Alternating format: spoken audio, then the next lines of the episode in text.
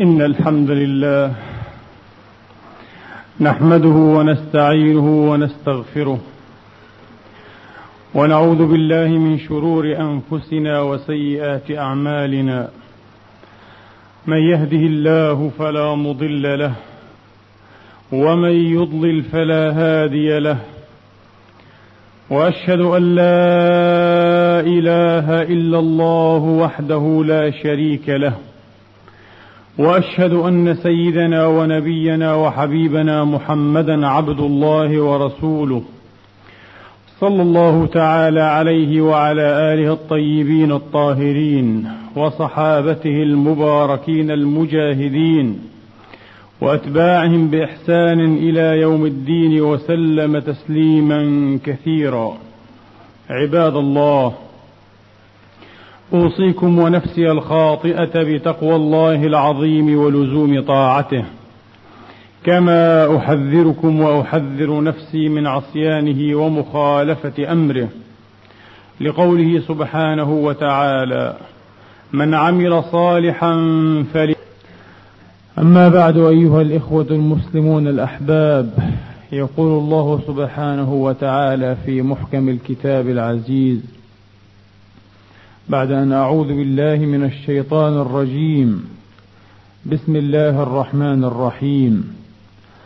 لقد كان لكم في رسول الله أسوة حسنة لمن كان يرجو الله واليوم الآخر وذكر الله كثيرا.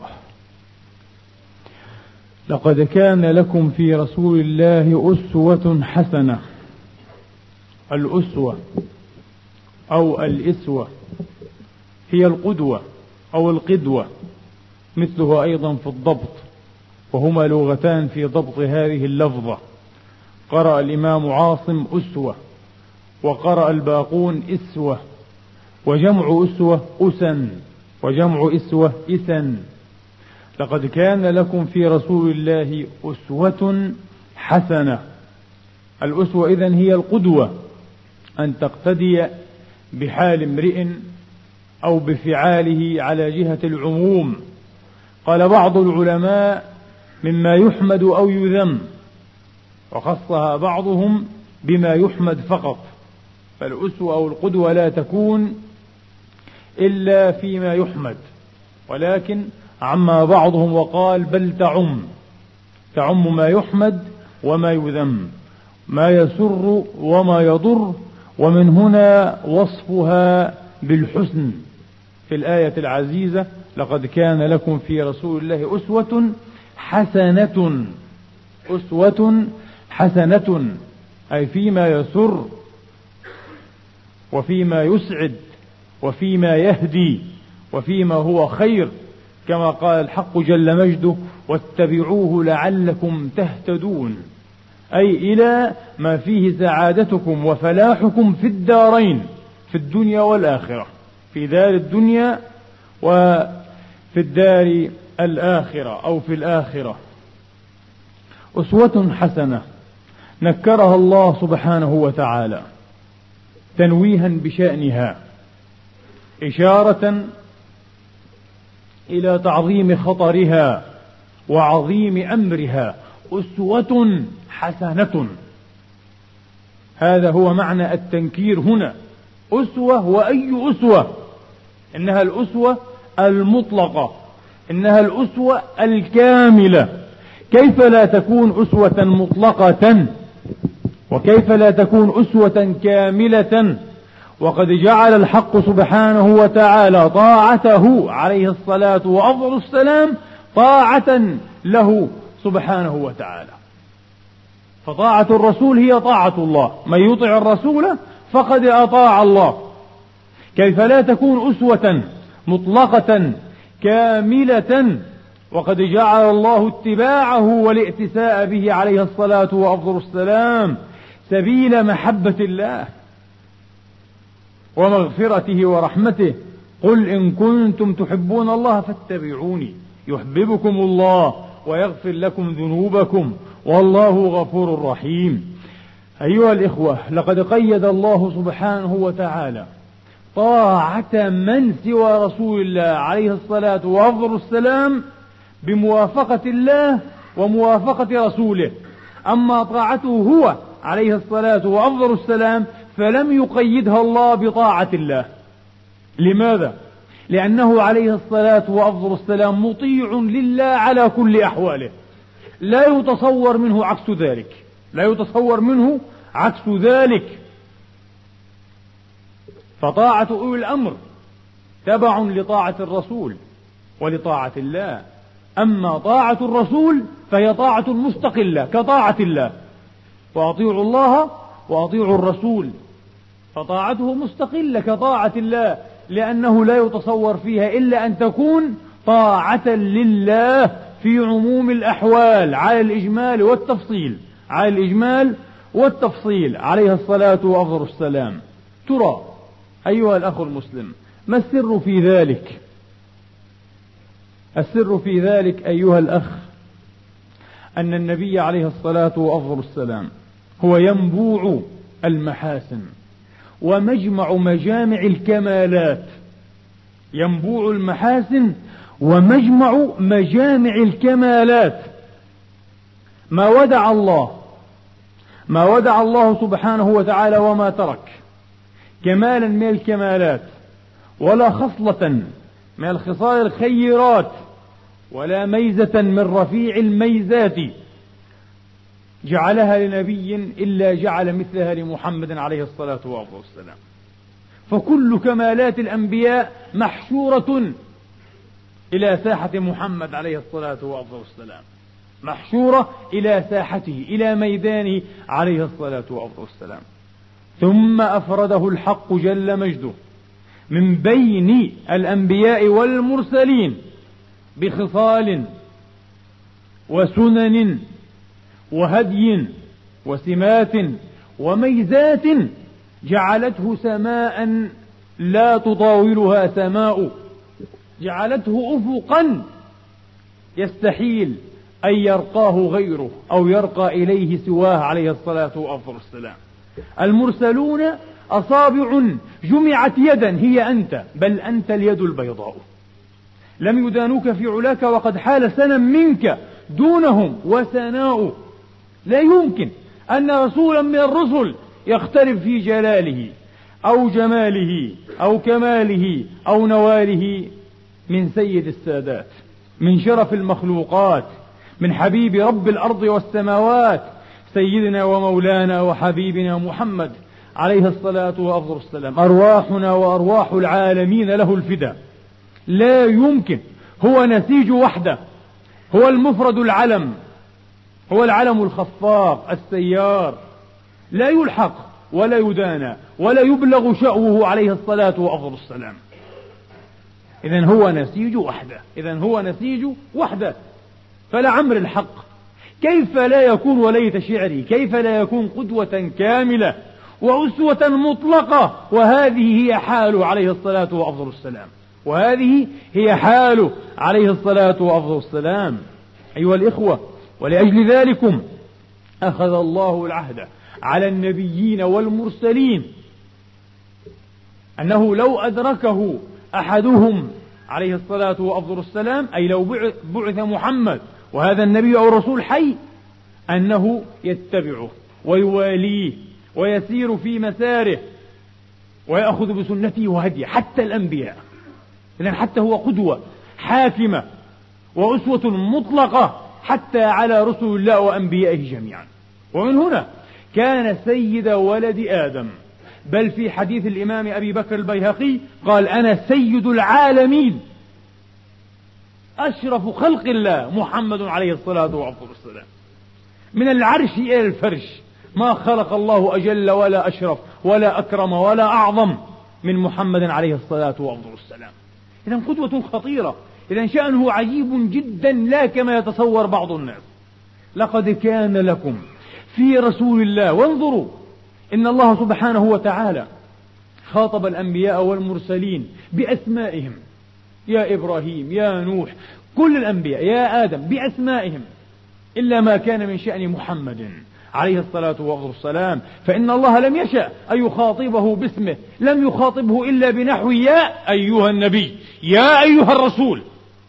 من باب إجلاله وتوقيره وهو رب العالمين لا إله إلا هو وما محمد إلا بعض خلقه إلا أنه أحب وأجل وأرفع خلقه. هو بشر لكن لا كالبشر كما أن الياقوت حجر لكن لا كالحجر. هو بشر لكن لا ككل البشر كما أن الياقوت حجر لكن لا ككل الحجر. عليه الصلاة وأفضل السلام. يا أيها النبي يا أيها الرسول ومن هنا نعى الحق سبحانه وتعالى. على أولئكم الأجلاف الغلاظ الجهلة الذين كانوا ينادونه باسمه يا محمد! فقال لا تجعلوا دعاء الرسول بينكم كدعاء بعضكم بعضا. لا تدعوه كما يدعو بعضكم بعضا. وإنما وقروه وأجلوه وكرموه كشأن الله سبحانه وتعالى. وقولوا يا أيها الرسول يا أيها النبي الآن نسمع ونرى من بعض العميان من عميت بصائرهم وطمست أبصارهم والعياذ بالله من دعاة التنوير والعلمانية والتغريب الذين يريدون لسفلة الغرب لسفلة الغرب من فلاسفة ومقننين ومجانين أن يكونوا قدوات وأسا لنا. ولا يرضون بمحمد أن يكون قدوة لأمته. ولا أسوة لأتباعه عليه الصلاة والسلام فيتناولونه بما لا يليق. ويتلفظون باسمه الشريف هكذا بطريق العرض من غير أن يتقدموا بين يديه بعنوان النبوة أو الرسالة. ألا قاتلهم الله أن يؤفكون؟ لقد عميت أبصارهم وانطمست بصائرهم والعياذ بالله تبارك وتعالى. وهذا ما سمعتم هو شأن رب العالمين معه. يا أيها الرسول يا أيها النبي صلى الله تعالى عليه وآله وأصحابه وأتباعه وعلينا وعليكم والمسلمين والمسلمات معهم أجمعين. اللهم آمين. إذا هو القدوة المطلقة هو الأسوة الكاملة عليه الصلاة وأفضل السلام. ثم جانب آخر أيها الإخوة. لقد عرك محمد عليه الصلاة وأفضل السلام الحياة ومارسها وكابدها من جميع جوانبها. عرك الحياء بجميع معانيها واجتمع له في هذا المعنى ما لم يجتمع أيضا لأحد سواه. فمحمد عليه الصلاة وأفضل السلام فضلا عن كونه نبيا رسولا كان عليه الصلاة وأفضل السلام زوجا وما كل نبي تزوج.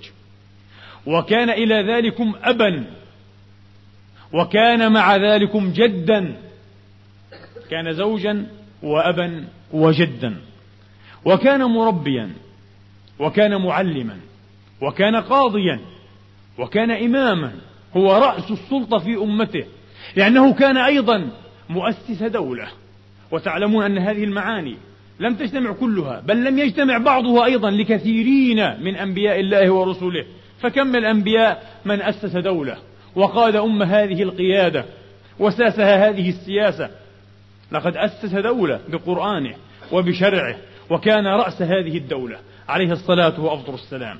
كان إماما في أمته وكان قاضيا وكان معلما ومرشدا ومربيا وهاديا وكان قائد جيش عليه الصلاة وأفضل السلام. كان ابن بجدتها وفارس حلبتها وكان محاربا شديدا عليه الصلاة وأفضل السلام. شديدا عليه الصلاة وأفضل السلام. مسعر حرب. لا يعرف الخوف ولا ينال منه البأس. ولا يتحرك ولا يتحرك فيه ساكن إذا زلزلت الجبال وقلقلت. عليه الصلاة وأفضل السلام. هكذا شهد فيه الأدنون من أصحابه. من الشجعان والفرسان. كالإمام علي عليه السلام وغيره. قال الشجاع كان منا الشجاع الذي يداني رسول الله يقترب بل كلهم كان يحتمي برسول الله. عليه الصلاة وأفضل السلام. إذا كان أيضا محاربا شديد الشكيمة قوي البأس. عليه الصلاة وأفضل السلام. عرك الحياة وجامعها ومارسها تجارة واقتصادا سياسة وحكما أليس كذلك؟ وحربا وسلما وعافية وبلاء. لقد مات أبناؤه ومات له البنات وعرف معنى إيه أن يموت للمرء الأولاد. أبناء وبنات ومات عمه وهو حاميه وناصره وماتت زوجته وحوصر وجوع وهجر على رغمه عليه الصلاة وأفضل السلام ولولا أن أهلك أخرجوني منك ما خرجت.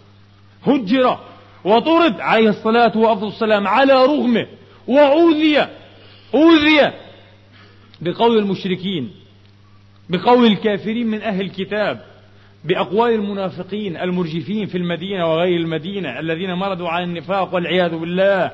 ممن يعلمهم هو وممن لا يعلمهم لا هو ولا أصحابه. أوذي عليه الصلاة وأفضل السلام. وقيل فيه وقيل وقيل. وهو في كل ذلكم صابر محتسب. عرك الحياة غنى وفقرا. لقد جاع النبي لقد جاعت بطنه حتى شد على بطنه الشريف الأحجار. روى الإمام أبو عيسى الترمذي وقال حديث غريب عن أبي طلحة الأنصاري رضي الله عنهم وأرضاهم أجمعين قال شكونا إلى رسول الله عليه الصلاة وأفضل السلام الجوع فجئناه وكشفنا عن بطوننا عن حجر حجر.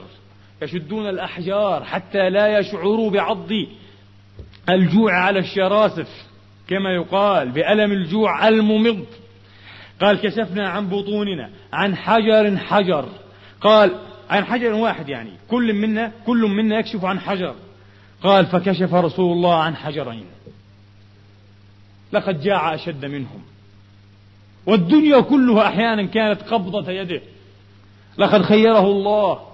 وأرسل إليه جبريل مع ملك الخزائن بمفاتح خزائن الأرض وخيره أن إذا أردت يا محمد كانت لك خزائن الأرض.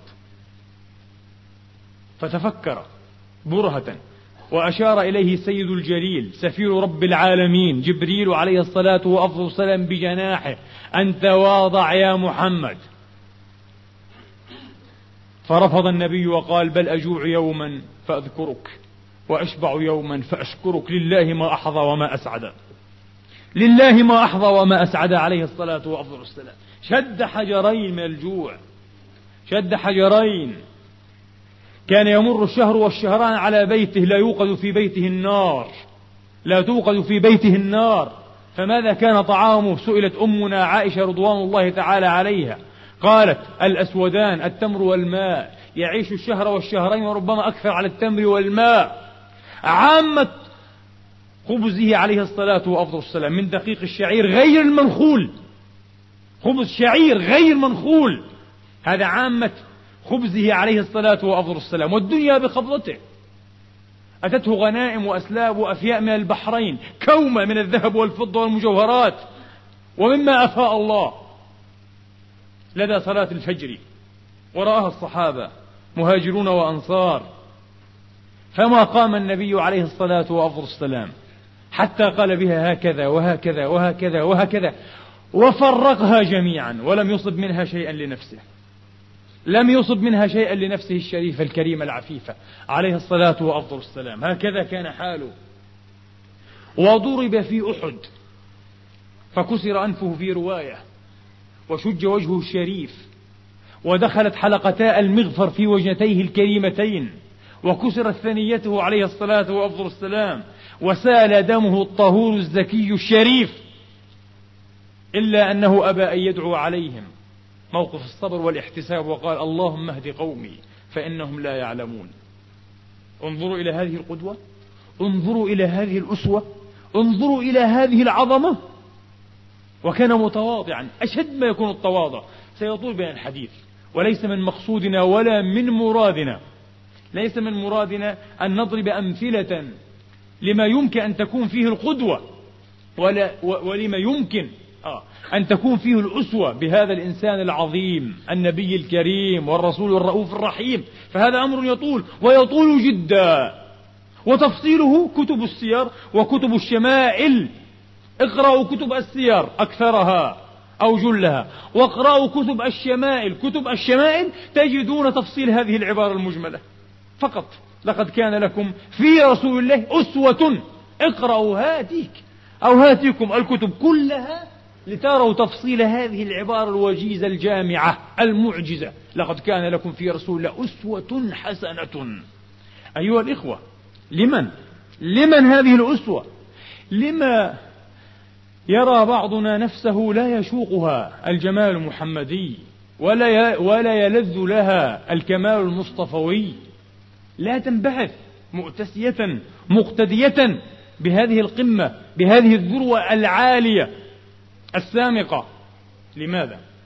القرآن يجيب لمن كان يرجو الله واليوم الآخر وذكر الله كثيرا طريق الأسوة بمحمد أو الائتساء بمحمد عليه الصلاة وأفضل السلام والاقتداء به تتمهد بماذا؟ بخصلتين ثنتين لا تتمهد بسواهما ولا بواحدة منهما. لا بد من جمع خصلتين أيها الأخ المؤمن. يا رعاك الله لا بد من جمع خصلتين. ما هما؟ لمن كان يرجو الله واليوم الآخر وذكر الله كثيرا.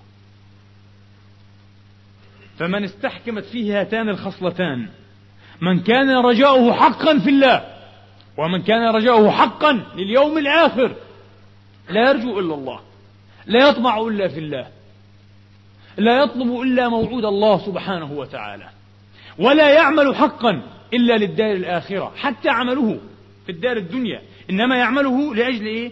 أن يوصله وأن يبلغ به إلى الأمان في الدار الآخرة لكن إن كان يعمل المسكين فقط لأجل الدار الدنيا فقد خزي خزي الخزي العظيم هذا هو الخزي وورد هذا المعنى في أحاديث نبوية مشهورة.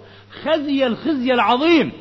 من كان يعمل عمل الآخرة لأجل الدنيا والعياذ بالله ليس له عند الله نصيب. ما له من خلاق.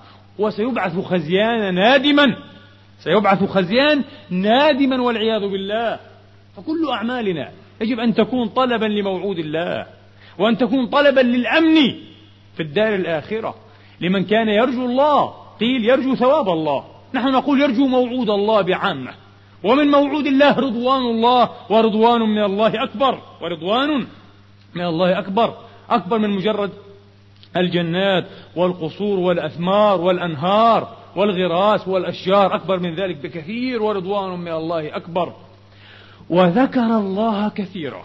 لابد أن يكون لسانه رطبا بذكر الله. لا رطبا بذكر المال. أو بذكر النساء أو بذكر المناصب أو بذكر الشهوات لا.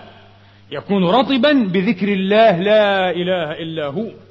قال يا معاذ إني لأحبك فهو يوصيه يوصيه أن يظل لسانه رطبا بذكر الله سبحانه وتعالى لأنه يحبه ويبغيه الخير ويبغيه الخير. فلا يزال لسانك رطبا بذكر الله أو من ذكر الله رطبا بذكر الله سبحانه وتعالى. أيها الإخوة من استحكمت فيه هاتان الخصلتان وليفتش امرؤ نفسه رجاء الله واليوم الآخر وذكر الله كثيرا. وذكر الله كثيرا.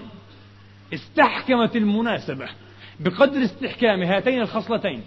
استحكمت المناسبة بينه وبين من؟ وبين رسول الله. بينه وبين رسول الله عليه الصلاة والسلام. كلما زاد رجاؤك وكلما أوغلت في ذكر الله فكتبت إن شاء الله تعالى وإيانا أجمعين. من المكثرين أي من الذاكرين الله كثيرا. استحكمت المناسبة بين روحك وبين روح رسول الله بين نفسك وبين نفس رسول الله. فتغدو محبا لكل ما كان رسول الله يحب. وتغدو كارها قاليا مبغضا ماقتا لكل ما كان يكره ويمقت رسول الله عليه الصلاة والسلام وترى نفسك مأخوذا مدفوعا بالهون وباليسر إلى تخليد رسول الله والاعتساء به وتخيل طريقته وسنته وهديه في أكثر أحواله. ألا ترون أن أصحابه وهم أولى الخلق به وأكثر الناس مناسبة به عليه الصلاة والسلام وشبها به فهم خاصته وهم أصحابه.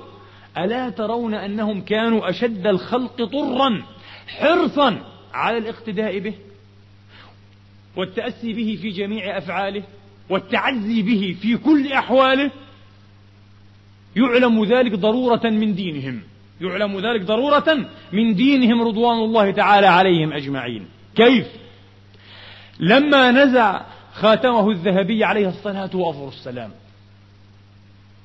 لم يلبثوا أن نزعوا جميع خواتيمهم في نفس المجلس. كان على المنبر فنزع خاتمه لأنه فتنة. رأى أن فيه فتنة. خاتم من ذهب.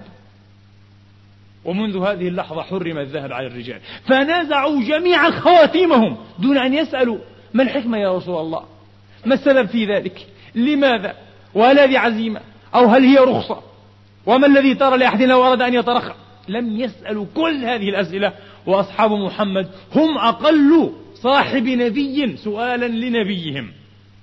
هم أقل صاحب نبي سؤالا لنبيهم. عليه الصلاة وأفضل السلام. نزعوا خواتيمهم مباشرة. ولما جاءه الشيخان أبو بكر أبو بكر وعمر رضي الله عنهما وجده جالسا على البئر حاسرا. حسر كما كان حاسرا دون أن يسأل. تقيلا وتشبها مباشرة. كيف كان يفعل؟ كانوا يفعلون. حسر. ولما جاءه الحلاق في الحديبية وحلق رأسه كادوا يقتتلون من شدة ازدحامهم على الحلاق.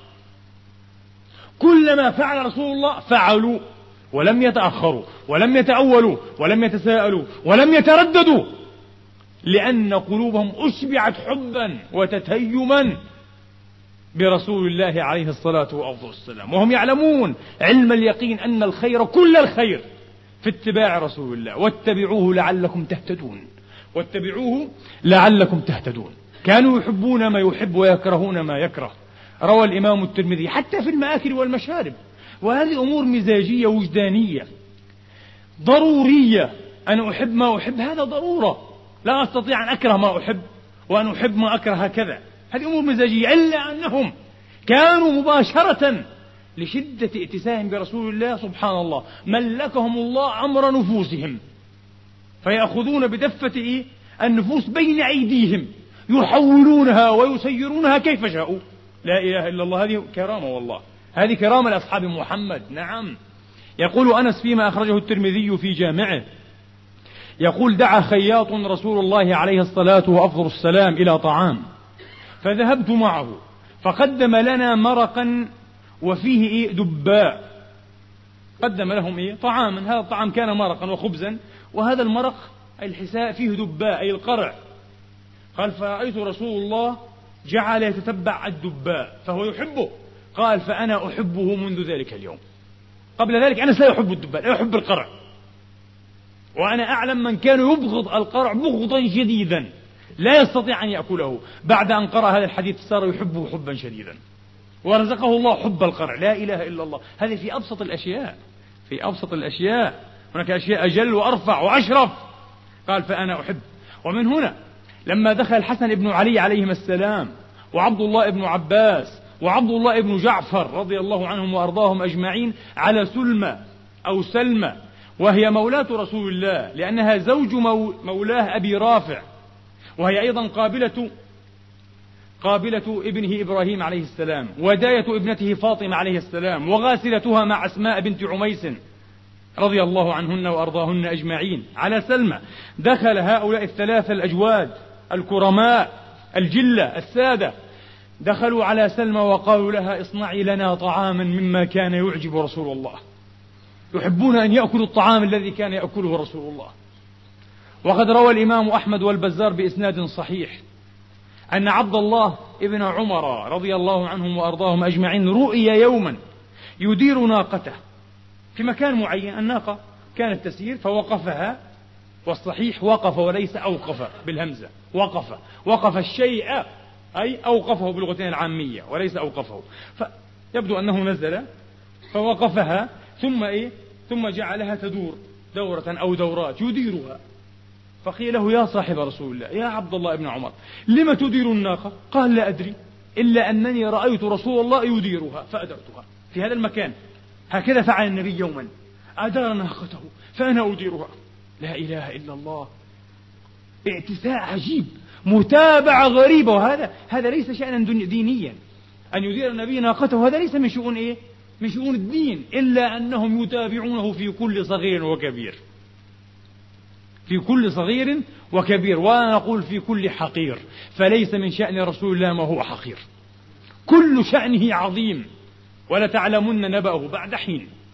كل شأنه عليه الصلاة وأفضل السلام عظيم. قال الصديق أبو بكر رضي الله عنه وأرضاه والله لا أدع شيئا كان يعمله رسول الله إلا عملته إني أخشى إن تركت بعض ذلك أن أزيغ. إني أخشى إن تركت بعض ذلك أن أزيغ. وقد خالف الإمام المهدي أمير المؤمنين علي عليه السلام في إمرة ذي النورين عثمان رضي الله عنه وأرضاه. خالف عثمان في أمر من الأمور كان عثمان عزم على الرعية أن يلتزموه إلا أن عليا خالفه.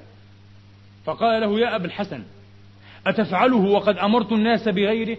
قال لا أدع أمرا رأيت رسول الله يفعله. هذا الذي أفعله الرسول فعله فلا أدع أمره لأمرك. مع أنه خليفته وإمامه. لا أدع أمر رسول الله. مقدم على كل الأوامر. وطاعة من عدا رسول الله مقرونة مباشرة بل مقيدة. بطاعة من؟ بطاعة رسول الله عليه الصلاة والسلام. فليست استقلالية. طاعة رسول الله استقلالية. وطاعة من سواه بالتبع وقد قال عصريه شاه بن شجاع الكرماني قدس الله سره. قال من عمر باطنه بدوام المراقبة وظاهره باتباع السنة المحمدية على صاحبها أفضل الصلوات والتسليمات والتبريكات والتشريفات. من عمر باطنه بدوام المراقبة. مراقبة من؟ الحق لا إله إلا هو. الحق جل مجده تبارك وتعالى. وظاهره باتباع السنة. وكف نفسه عن الشهوات. وكف عينه عن النظر إلى ما حرم الله. كف عينه عن النظر إلى ما حرم الله وخصلة خامسة. قالوا لعلها أكل الحلال. لم تخطئ له فراسة. إذا نفس الشيء ينطق بالحكمة ويعطيه الله سبحانه وتعالى الفراسة. إن في ذلك لآيات للمتوسمين الذين يعرفون الناس بالسمة بمجرد النظر. لهم فراسة. لا تخطئ بإذن الله. يعرفون الصادق من الكاذب. يعرفون الصادق من الكاذب. يعرفون المحب من العدو بمجرد النظر بإذن الله فراسة المؤمن. وكان شاهب شجاع لا تخطئ له فراسة. ومن هنا كلمته لا أمية خاصة. يعني كل إنسان يستطيع أن يقول من فعل كذا وكذا لم تخطئ له فراسة. لكن إذا قال هذه الكلمة من كانت لا تخطئ فراسته فإن لكلمته اعتبارا خاصا. وكان شاه لا تخطئ له فراسة. وقال سهل بن عبد الله التستري رضي الله عنه وأرضاه أحد الأجلة الأعلام كبار أولياء الله الصالحين في القرن الثالث قال من لم يرى نفسه في ولاية رسول الله أبدا وفي ملكه دائما لم يذق حلاوة سنته. يجب أن ترى نفسك عبدا بين يدي رسول الله. ليس مجرد تلميذ أو تابع أنت عبد أنت مملوك لرسول الله. يتصرف فيك كيف شاء. وقد سبق القرآن إلى تقرير هذا المعنى. أين؟ النبي أولى بالمؤمنين من إيه؟ من أنفسهم. الله أكبر. النبي أولى بك من نفسك. يعني لا تستطيع أن تتصرف في نفسك كما يستطيع النبي أن يتصرف فيك. ولذا ينبغي عليك إذا أردت أن تبلغ ذروة الإيمان أن تحبه أكثر مما تحب ماذا؟ نفسك. أكثر مما تحب حتى نفسك. إذا يجب أن ترى نفسك دائما في ملك رسول الله. دائما في ولاية رسول الله. كل ما أمرك به تأتي. ولا تناقش ولا ترتب ولا تحتر ولا تتهوك.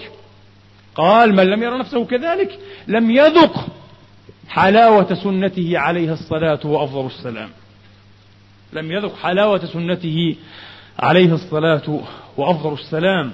فنسأل الله تبارك وتعالى أن يرزقنا حلاوة المتابعة وأن يرزقنا حب هذا النبي الحبيب المحبوب. روح وأرواح العالمين له الفداء عليه الصلاة وأفضل السلام. إنه ولي ذلك والقادر عليه. أقول قولي هذا وأستغفر الله لي ولكم فاستغفروه فيا فوز المستغفرين.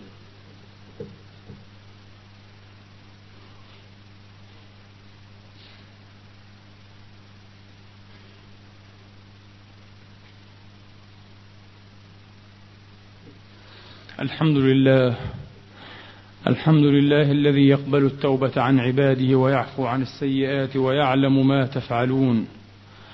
ويستجيب الذين آمنوا وعملوا الصالحات ويزيدهم من فضله والكافرون لهم عذاب شديد. وأشهد أن لا إله إلا الله وحده لا شريك له وأشهد أن سيدنا وحبيبنا وقدوتنا محمدا عبد الله ورسوله. الصادق الوعد الأمين صلى الله تعالى عليه وعلى آله الطيبين الطاهرين وصحابته المباركين وأتباعهم بإحسان إلى يوم الدين. أما بعد أيها الإخوة ذكر الإمام العلامة القاضي عياض رحمه الله تعالى في الشفاء وهو من أجل وأحسن الكتب في التعريف بحقوق المصطفى وما ينبغي له عليه الصلاة وأفضل السلام. الشفاء بتعريف حقوق المصطفى عليه الصلاة وأفضل السلام. وقد شرحه غير واحد. المهم ذكر عياض في الشفاء أنه يحكى عن الإمام أبي عبد الله أحمد بن حنبل رضي الله تعالى عنه وأرضاه. قال الإمام أحمد الآن يقص هذه القصة ويحكي هذه الحكاية عن نفسه. قال كنت مع جماعة ذات يوم في الحمام فتجردوا ليغتسلوا. فاستعملت السنة. وتذكرت قول النبي عليه الصلاة والسلام من كان يؤمن بالله واليوم الآخر فلا يتجرد إذا دخل الحمام أو هذا أو بهذا المعنى. والحديث مخرج في مسلم والترمذي. فلم يتجرد وأخذ بالسنة. قال فلما نمت تلك الليلة أتاني آت في المنام فهتف بي. يا أحمد لقد غفر الله لك وجعلك إماما يقتدى بك باستعمالك سنة سنة محمد عليه الصلاة والسلام حين لم تتجرد كما تجرد إخوانك. فقلت من أنت؟ قال جبريل. هو لم يره هو هتف به. سمع الصوت. من أنت؟ قال جبريل. بديه أن الإمام أحمد رضوان الله تعالى عليه لم يرتقي إلى هذه المرتبة من مراتب الإمامة في الدين وقد كان بالقطع من أئمة المتقين بمجرد أنه أخذ بهذه السنة. هو كان مؤمرا السنة المحمدية على نفسه قولا وفعلا وحالا قولا وفعلا وحالا في الصغير والكبير. حتى أن ابنه عبد الله كما أذكر يروي عنه أنه لما كان في السياق أي في ساعة الاحتضار يقال في السياق أو في السياقة حين كان ينزع أي تنزع روحه أو نفسه. تأوه قليلا. ثم أمسك وقال يا عبد الله افتح لي الصندوق الفلاني. افتح لي الكراس الفلاني. واقرأ. فقرأ عليه أحاديث بهذا الخصوص. وظاهر هذه الأحاديث والآثار يعني عدم محبة الشكوى. قال فلم أسمعه. تأوه بعد ذلك إلى أن قبض رضي الله عنه. في بقية الساعة والساعتين. حتى في هذه الساعة يريد أن يستعمل السنة. يريد أن يتابع محمدا عليه الصلاة والسلام في كل صغيرة وكبيرة. ومن هنا كان إمام المتقين. هذا الإمام إمام عجيب. طبعا كان له أعداء وكان له شانئون وكان له مبغضون. فكان يقول للناس بيننا وبينهم يوم الجنائز. يعلم كرامته على الله. والناس لا يفهمون ما معنى بيننا وبينهم يوم الجنائز. فلما توفي هذا الإمام العلم هذا الإمام الجليل. حضر جنازته قيل حوالي ألف ألف وستمائة ألف مليون وستمائة ألف. في الزمن القديم. وبغداد مدينة أصغر من الآن بكثير كانت. مليون وستمائة ألف. فالناس في الشوارع وفي الأزقة وعلى الحوائط على الجدر. وأسلم يوم موته قيل عشرون ألفا وقيل أربعون ألفا من اليهود والنصارى. فعلم الناس كرامة هذا الإمام عند الله. وكرامته على ربه لا إله إلا هو. وفهموا معنى قوله بيننا وبينهم يوم الجنائز. ستعلمون من الكريم على الله. من هو صاحب الحق؟ من هو صاحب الهدى؟ اللهم اجعلنا من الهدى المهديين. بفضلك ومنك يا رب العالمين. أيها الإخوة أريد أن أختم بكلمة. فلعلنا نفهمها ولعل الله سبحانه وتعالى ينفعنا بها. أيها الإخوة كثيرة هي مشاكل الدنيا. وبديه أن الإنسان أي إنسان ذكرا كان أنثى صغيرا أو كبيرا يصدر في أكثر أفعاله عن اقتداء. قد يكون معجبا بأستاذ أو بمدرسة أو بأب أو بأم أو بصديق أب أو بممثل أو بمغن أو لا ندري أو بعالم أو بإمام. الإنسان دائما يطلب المثل يطلب النموذج الذي يحتذيه ويحاول أن يرتقي إليه أو يتدلى له طبعا أكثر الناس من حيث لا يشعرون يتدلهون يسقطون هم لا يرتقون والعياذ بالله. يسقطون إلى النماذج الباطلة التافهة الساقطة أصلا. هي نماذج ساقطة يسقطون ويتدلون إليها. ما المغنيين والممثلين وحتى رجال السياسة المجرمين القتلة الذين لا يعرفون معنى لله ولا اليوم الآخر. هؤلاء ليسوا قدوة لأي إنسان في رأسه عقل في رأسه دماغ والعياذ بالله. على كل. أيها الإخوة ليس من الصحيح وليس من رشيد الهدي أن نحاول حمل الناس على الاقتداء ببعض النماذج حتى النماذج المعجبة دون أن نجعل قدوتهم الأولى والأعظم والأجل محمدا عليه الصلاة والسلام. أهم شيء يا إخواني بعض الناس قد ينشأ في بيت مثلا لنفترض أنه بيت مثلا صوفي فيجعل أبواه قدوته الشيخ القطب الشيخ فلان الفلاني خطأ. خطأ كبير ليس قدوة مطلقة. السلف تواتر عنهم أن كل أحد عدا رسول الله عليه السلام. كل أحد يؤخذ من قوله ويترك. أليس كذلك؟ كل أحد يوافق وينكر. يوافق على صحيح ما عنده وينكر على إيه؟ على خطأ. ربما اجتهاد وقع فيه أو ما إلى ذلك. أو خطأ ما عنده فليس بمعصوم إلا الرسول. الرسول قدوة مطلقة. فليس من الصحيح أن نبدأ تربية أنفسنا أو أولادنا على أن نجعل قدوتهم أحد الشخصيات المعجبة من العلماء أو الأئمة أو الصالحين. هذا ليس بصحيح. نبدأ أولا بتقرير إيه؟ بتقرير حقائق في أنصبائها. القدوة المطلقة هو رسول الله. بعد ذلك يمكن أن يقتدى بأي أحد من هذه الشخصيات الكريمة المعجبة في حدود الموافقة والمتابعة. أليس كذلك؟ امتلك الإنسان المعيار. امتلك المعيار امتلك الميزان يستطيع أن يزن به كل شيء أن يزن به جميع الأحوال والأقوال والأفعال عن هؤلاء الصالحين والأئمة المكرمين إن شاء الله تعالى. فالقدوة المطلقة إذن هي رسول الله وليس واحدا واحدا من هؤلاء مطلقة هذه واحد ثانيا يا إخواني مشاكل الحياة كثيرة مشاكل الحياة كثيرة. في الطريق إلى هذا المسجد حدثني أحد الإخوة أسأل الله أن يفرج همه وأن ينفس كربه. اللهم آمين. وأن يذهب غمه. عن مشاكل مشاكل عائلية مع الأزواج مشاكل الحياة مشاكل الحياة كثيرة بلا شك. حلها الأقصر والأنجح هو ماذا الاعتساء برسول الله المفتاح بيد رسول الله. طبعا يا إخواني ما الخطأ الذي ينبغي أن ينبه عليه أكثر من مرة؟ أننا نسير في حياتنا وفق أهوائنا وفق ما نحب ونريد. أو وفق دراسات منقوصة ومعاني مغلوطة نقرأها للعالم الفلاني أو لعالم النفس الفلاني أو للمربي الفلاني. هذا كلام فارغ. لا. قبل أن نتيه قبل أن نتحير قبل أن نتهوك. ولذا غضب النبي أشد الغضب حين رأى بعض الصحائف من التوراة بيد عمر. قال أمتهوكون فيها يا ابن الخطاب؟ ما هذا التهوك؟ لما؟ لما الكتاب المقدس؟ لما التوراة والإنجيل؟ وعليكم يتنزل القرآن وبينكم رسول الله. الذي عزيز عليه ما عنتم.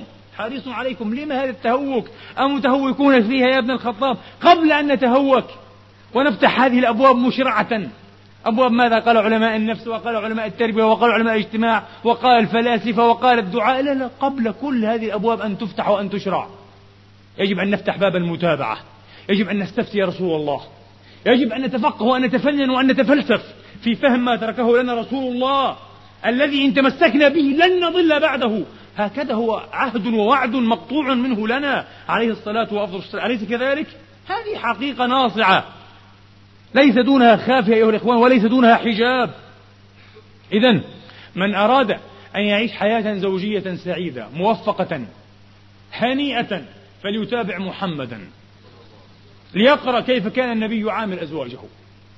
كيف كان يقيم العائلة. كيف ترك لنا فقه هذه الحياة الزوجية؟ خذوا من محمد عليه الصلاة والسلام. لن تضلوا. لكن نحن نخطئ كثيرا. نخطئ مرتين. المرة الأولى حين نسعى في حياتنا ونقيم ونقوم شؤوننا وفق ما نريد وفق أهوائنا.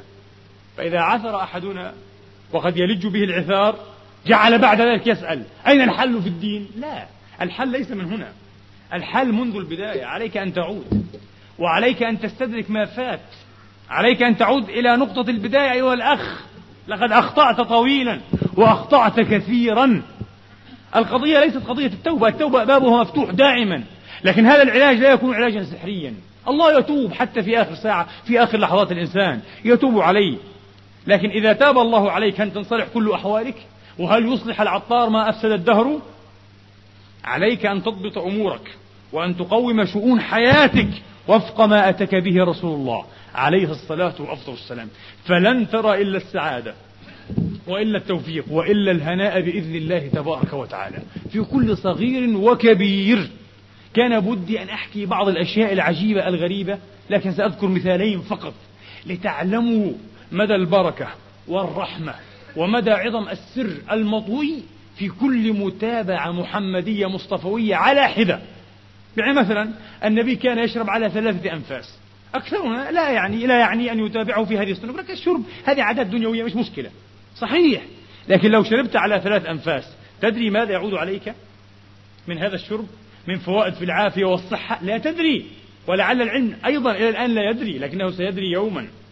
والنبي كان لا يستحب أن يشرب واقفا إلا في أحوال نادرة جدا. يشربه أقرب إلى الجلوس. عليه السلام. لا ندري. النبي كان حريصا جدا على أن ينام كل يوم ساعة القيلولة. في موطأ مالك كان ينامها يوم الجمعة بعد الصلاة لأجل ما يتهيأ لصلاة الجمعة. في غير يوم الجمعة ينامها إيه؟ قبل الصلاة. ساعة. أربعين دقيقة ثلاثين دقيقة تسمى ساعة هذه. قيلولة. قرأت مرة وهذا من باب فقط الاتفاق العجيب. لأحد أغنى أغنياء العالم روكفلر.